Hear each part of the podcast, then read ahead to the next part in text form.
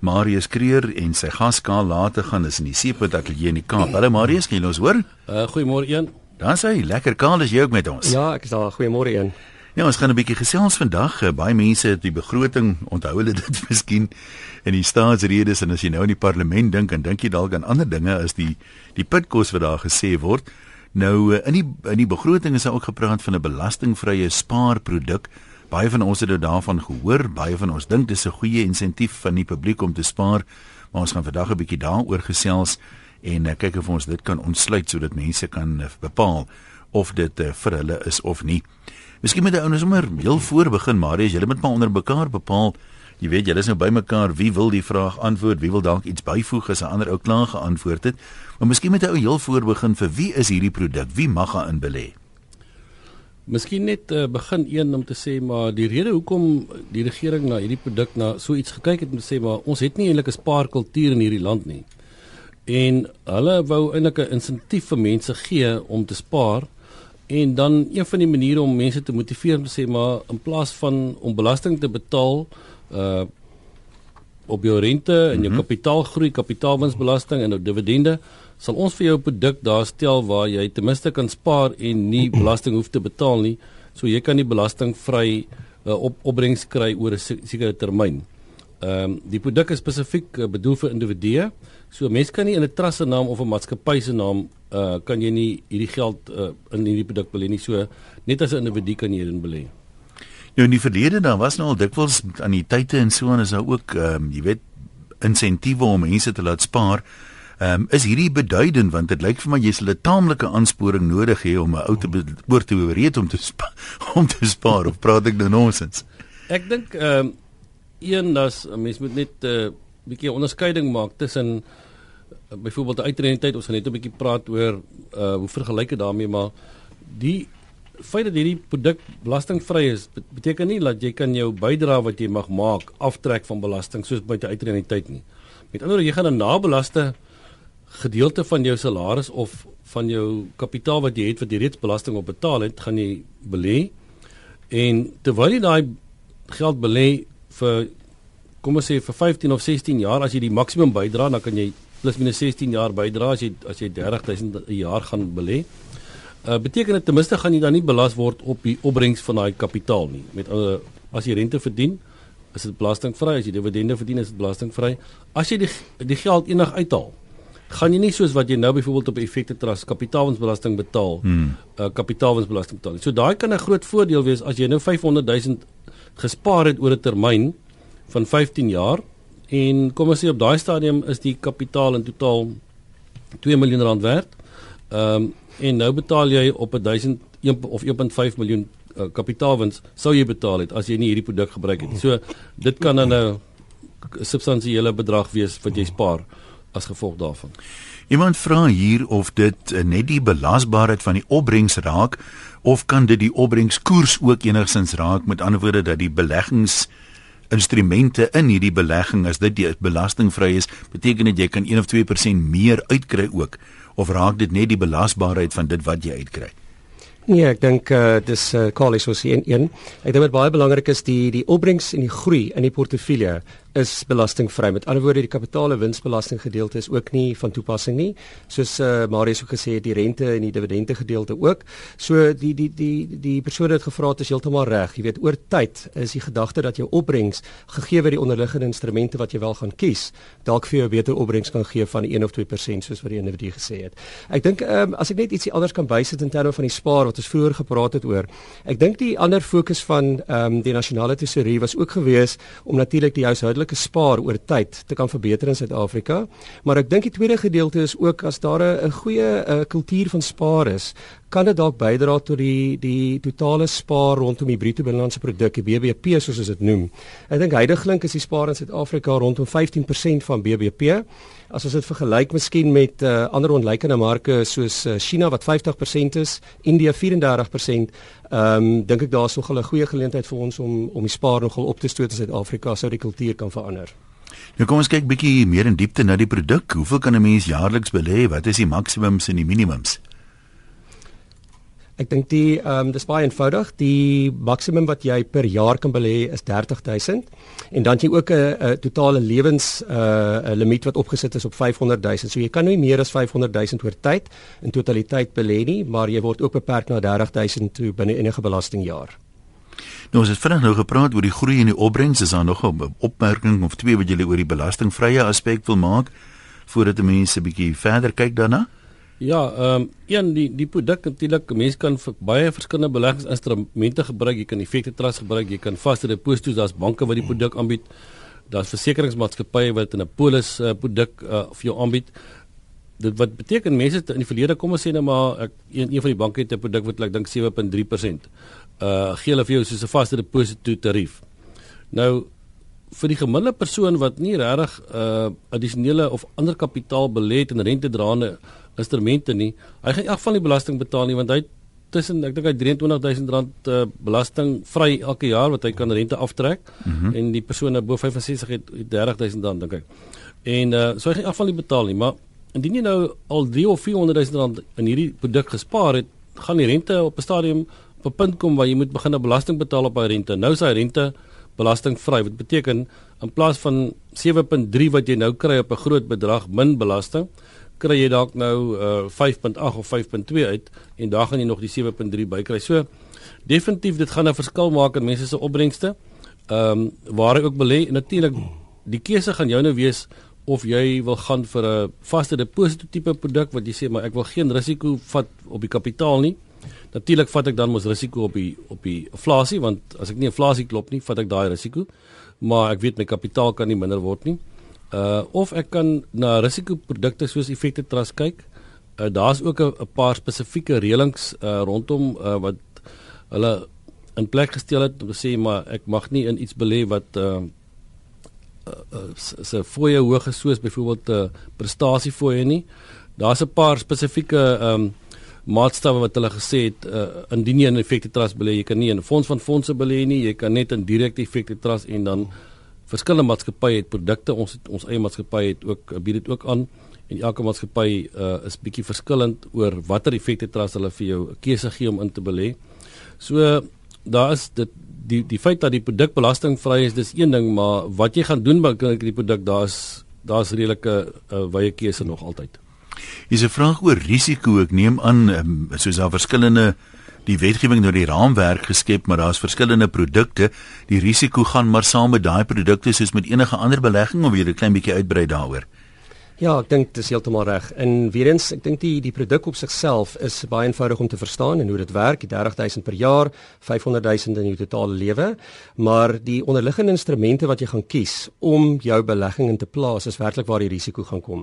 En ek dink aanvanklik toe die nasionale tesourie die papier die eerste keer uitgesit het, was die gedagte dat die kliënte twee produkte sou hê, een wat regtig gaan op ehm um, op op rentedraende instrumente en die ander een wat vir jou die opsie sal gee om kom ons sê aandele te koop of uh, effekte as te koop met aandele blootstelling. Maar vandag soos as hierdie verandering wat plaasgevind het, kan jy van dag 1 af nou in die produk wel jou onderliggende instrumente, uh, aandele of staatseffekte maak en maak eintlik verskil nie. Die risiko wat bepaal gaan word, gaan bepaal wees rondom wat die kliënt se aptyd is noodwendig vir risiko. Maar gewoonlik weet soos met Marius wat ons mee 'n uh, langtermyn uh, werksverhouding het, as hy gaan sit saam met sy kliënt en sy ontleding van sy behoeftes maak, gaan hulle bepaling maak oor wat die risiko aptyd van daai kliënt binne in die produk kan wees.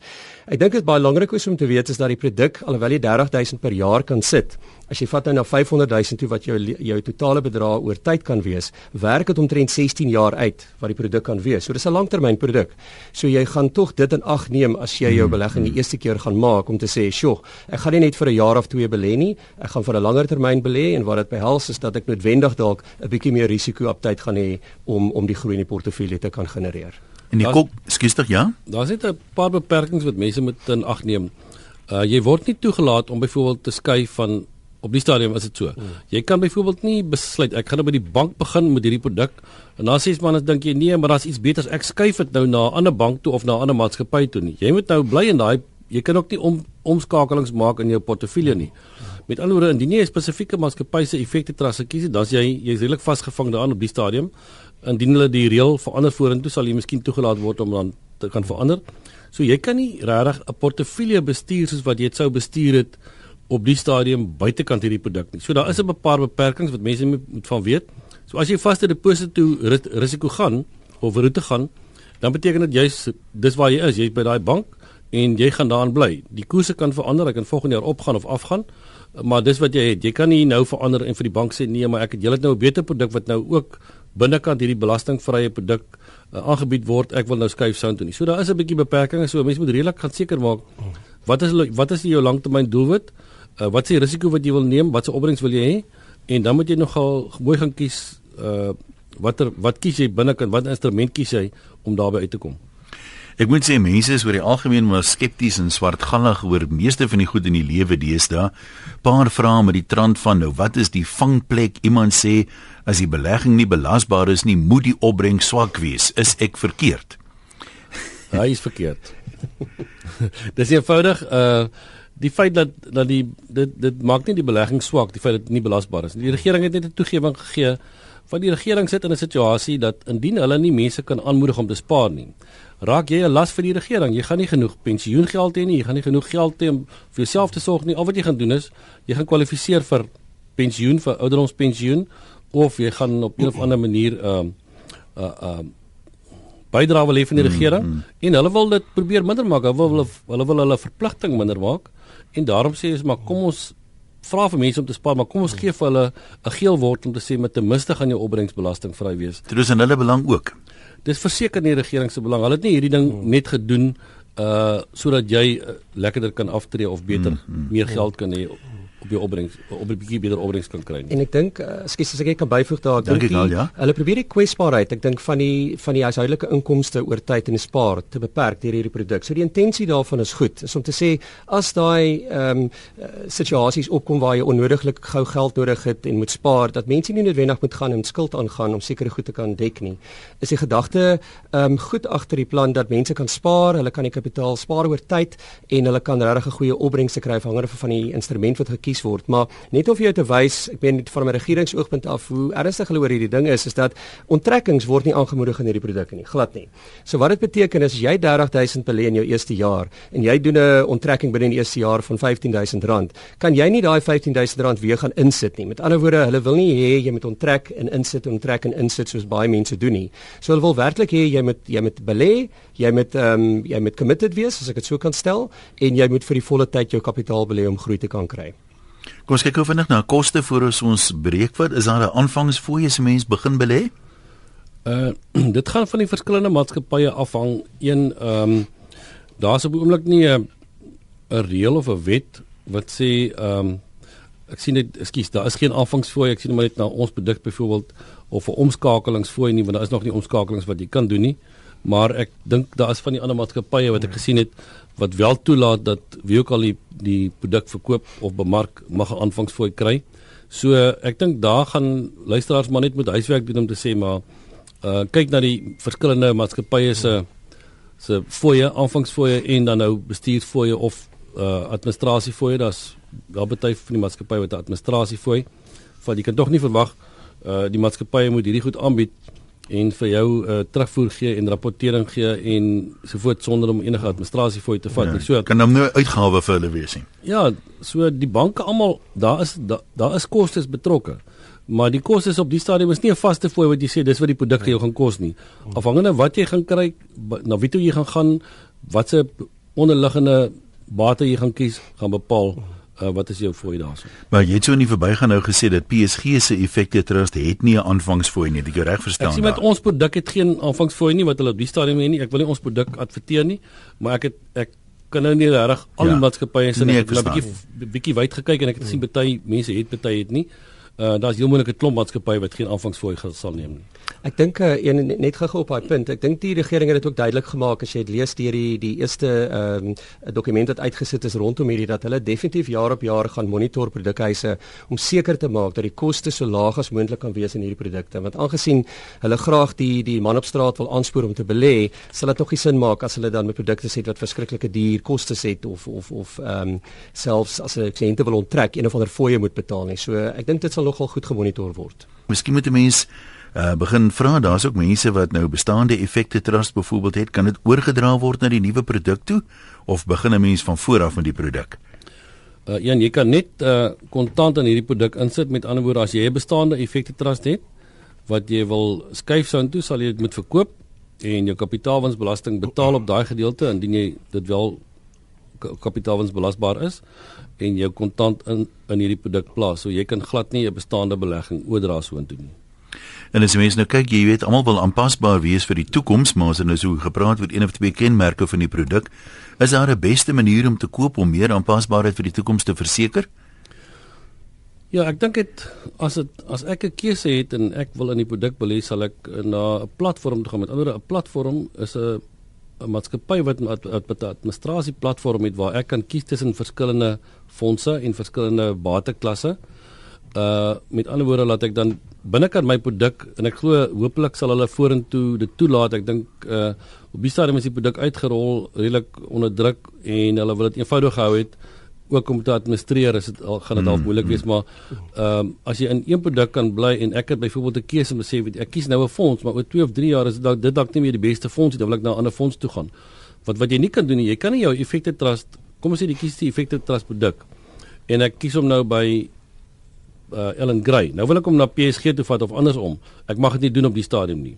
Met ander woorde, as ek dan binnekant my produk kan verander na van 'n PSG fonds na Ellen Gray fonds of 'n Coronation of 'n Investec fonds, dan is dit mos vir my 'n beter opsie en dit dit is my meer aanpasbaar. Uh as ek die vaste deposito by die bank kies, kan ek nie daarvan af oorspring na 'n uh, effekte trust nie. Ek sal dit moet verkoop alles onttrek en dan daai geld weer belê. Nou onthou net, ek kan nou nie daai geld alles belê nie, want uh, ek kan net 30000 per jaar belê. So as ek nou besluit om in elk geval my gedeelte 2.500 rand 'n maand te belê om by 30000 uit te kom en nou het ek 60000 opgebou in 'n ander fonds wat ek nou wil skuif hiernatoe dan beteken dit daai 60 gaan deel van my 30 uitmaak van my nuwe 30 wat ek wil maak. So dit is maar net beperkings wat 'n mens maar moet in ag neem. Dis om ek sê dis sal vir my beter wees om die platform roete te gaan hmm. uh, alhoewel dit jou administrasie gewys dalk uh, 22 basispunte gaan kos of vir die fasiliteit of kom ons sê vir die ehm uh, leksheid om dit te kan doen vorentoe. Maar dit gaan op die einde van die dag hopelik beter waarde toevoeg aan my produk en my opbrengs. Die 30000 waarvan ons praat, is dit soort van dis nou fisies onmoontlik om meer te belê of kan 'n mens meer belê? Jy kry net nie die toegewing op meer as 30000 nie. Ja. Een ehm um, 30000 is jou jou maksimum limiet wat jy per jaar mag belê. Ehm um, sou kliënte in elk geval meer as 30000 belê en kom ons spreek 'n voorbeeld 40000, mm -hmm. dan gaan daai 10000 teen 40% belas word. So ek dink is baie belangrik dat die regering dit heel duidelik gemaak dat hulle in elk geval die kliënte by 30000 per jaar wil hou en dan 500000 vir die totale lewe van die kliënt. Maar ek dink net om terug te kom wat wat Marius ook vroeër gesê het oor die oordragte tussen verskillende maatskappye as jy wil skei wat nie heidaglik moontlik is nie, is dat dit is waar. Ek dink van 'n regeringsoogpunt af het hierdie produk baie gou op die mark gekom en ek glo nie hulle het heeltemal al hulle dinge in plek om hierdie goed te, te kan monitor om seker te maak dat kliënte wel nie bo die 30000 gaan nie of bo die 500000 oor die 16 jaar natuurlik. Dit is 'n baie langer termyn. So ek dink hulle wil die eerste jaar net kans gee om seker te maak dat die kliënt self uh, vertroud is en seker maak dat hy nie bo die 30000 gaan nie, dat die produkhuise wat hierdie produk verskaf ook seker maak dat die kliënt nie bo die 30000 gaan nie, want jy wil nie met 'n situasie sit waar die kliënt in elk geval belasting gaan betaal op 'n bedrag in 'n produk wat veronderstel is om belastingvry te wees nie. Mm. -hmm. Nou wat uh, boedelbelasting betref, word die belegging as deel van jou boedel beskou. Ja, een, dit is een van my uh van die negatiewe as ek nou 'n bietjie vorentoe dalk miskien gaan praat oor die verskil tussen hierdie produk en 'n uitreniteit. Uh dis dit is deel van jou boedel. So dis soos enige ander bate wat jy nou sou belê het wat nie afdreeproduk is nie, dis deel van jou boedel. So as jy 500 000 rand hierin gespaar het en jy het nou jou volle 500 volgemaak oor 16 jaar en die ding groei nou na 5 of 3 2 of 3 miljoen of 5 miljoen toe na 20 of 30 jaar, dan dit is maar dit gaan deel van jou boedel vorm. Dit is ongelukkig so. Miskien moet ons sommer nou gesels oor uh, die kwessie van uitreaniteite ten opsigte van belastingbydraes en groei, hoe dit vergelyk met hierdie produk vir ons dalk 'n bietjie meer perspektief gee wat dit betref. Ja, ek dink dit ehm um, as ek byvoorbeeld 'n keuse het en ek vergelyk hierdie produk met 'n uitrentheid, beteken dit in hierdie produk betaal ek my belasting eers ek betaal, ek betaal die ontvanger sy 40% en nou het ek eintlik net R60 oor wat ek belê. Nou kry ek hierdie R60 belê in hierdie produk en dit is belastingvry. As ek die uitrentheid belê, nou hoef ek nie die R40 te betaal nie, want die ontvanger gee my daai R40 afslag dan kan ek 100 100 rand belê in hierdie in 'n uitreniteit. Binnekant 'n uitreniteit is my opbrengs ook belastingvry. Daar's ook nie kapitaalwinsbelasting nie. En ek kry op die einde van die dag kry ek in elk geval 500 000 rand belastingvry uit. Uh die dag as ek aftree volgens die huidige skale, dit kan nog hoër hoër gaan vorentoe, kan ek 'n belastingvrye gedeelte vat. Uh en ek gaan in elk geval hierdie produk ook dan as ek wil aanwend vir aftrede, dan gaan ek dit iewers moet verkoop en dan moet ek dit iewers gaan belê om dan vir my inkomste te gee en dan gaan ek in elk geval weer belasting betaal op die inkomste. So wat my betref opbrengsgewys belê ek liewer 'n rand en kry dieselfde opbrengs as wat ek 60 sent belê en ek kry dieselfde opbrengs en dit gaan net vir my 'n baie beter hmm. uh opsie gee by aftrede. 'n Persoon wat jonk is wat sê ek wil 'n huis koop en ek wil nou begin spaar vir huis as ek 25 is op 40 wil ek ten minste vir my huis koop. Vir hom is dit is hierdie produk baie goed want uit die uitrentyd kan hy nie op 40 al geld uithaal nie. Ja. Want sy geld is vals. Die ander voordeel van die uitrentyd is dis nie deel van my boedel nie. So ek spaar geld, ek haal geld weg van my boedel af. Uh en dit dit is vir my 'n groter voordeel. So as ek vir myself moet sê en ek is 40 jaar oud en ek het 'n 15 jaar termyn wat ek dink ek gaan hierdie geld spaar en ek het nog nie my uitreniteit bydraes volgemaak wat belasting betref nie, so ek die uitreniteit roete gaan. Uh as ek wil spaar vir 'n spesifieke uh item of vir 'n spesifieke gebeurtenis en ek wil die kapitaal uithaal voor ek 55 is, dan sou ek na die belastingvrye produk kyk. Hier sê steeds julle paar vrae, probeer dit nou so saamvat SMS'e van mense uh, wat lyk my nie lekker duidelikheid het oor hoe wyd die produk beskikbaar is nie. Iemand vra byvoorbeeld hier Ehm um, waar begin ek nou? Gaan ek na die tradisionele banke toe? Gaan ek na versekeringsmaatskappye toe? Uh of gaan ek na makelaars toe of aandelemakelaars toe? Waar waar begin 'n mens as jy nou meer inligting wil hê en jy wil so 'n belegging oorweeg? Ek dink as jy adviseer het, gaan na hom toe. Hy sal vir jou kan die verskillende produkte gee wat beskikbaar is wat hy mag bemark. Ehm um, jy kan ook na jou bank toe gaan. Hulle sal ook vir jou die produk gee. Uh, jy kan ook direk na versekerings versekeringsmaatskappye gaan. Uh, ek is seker jy sal die produk ook direk kan koop as jy self besluit jy's slim genoeg om alle keuses te maak.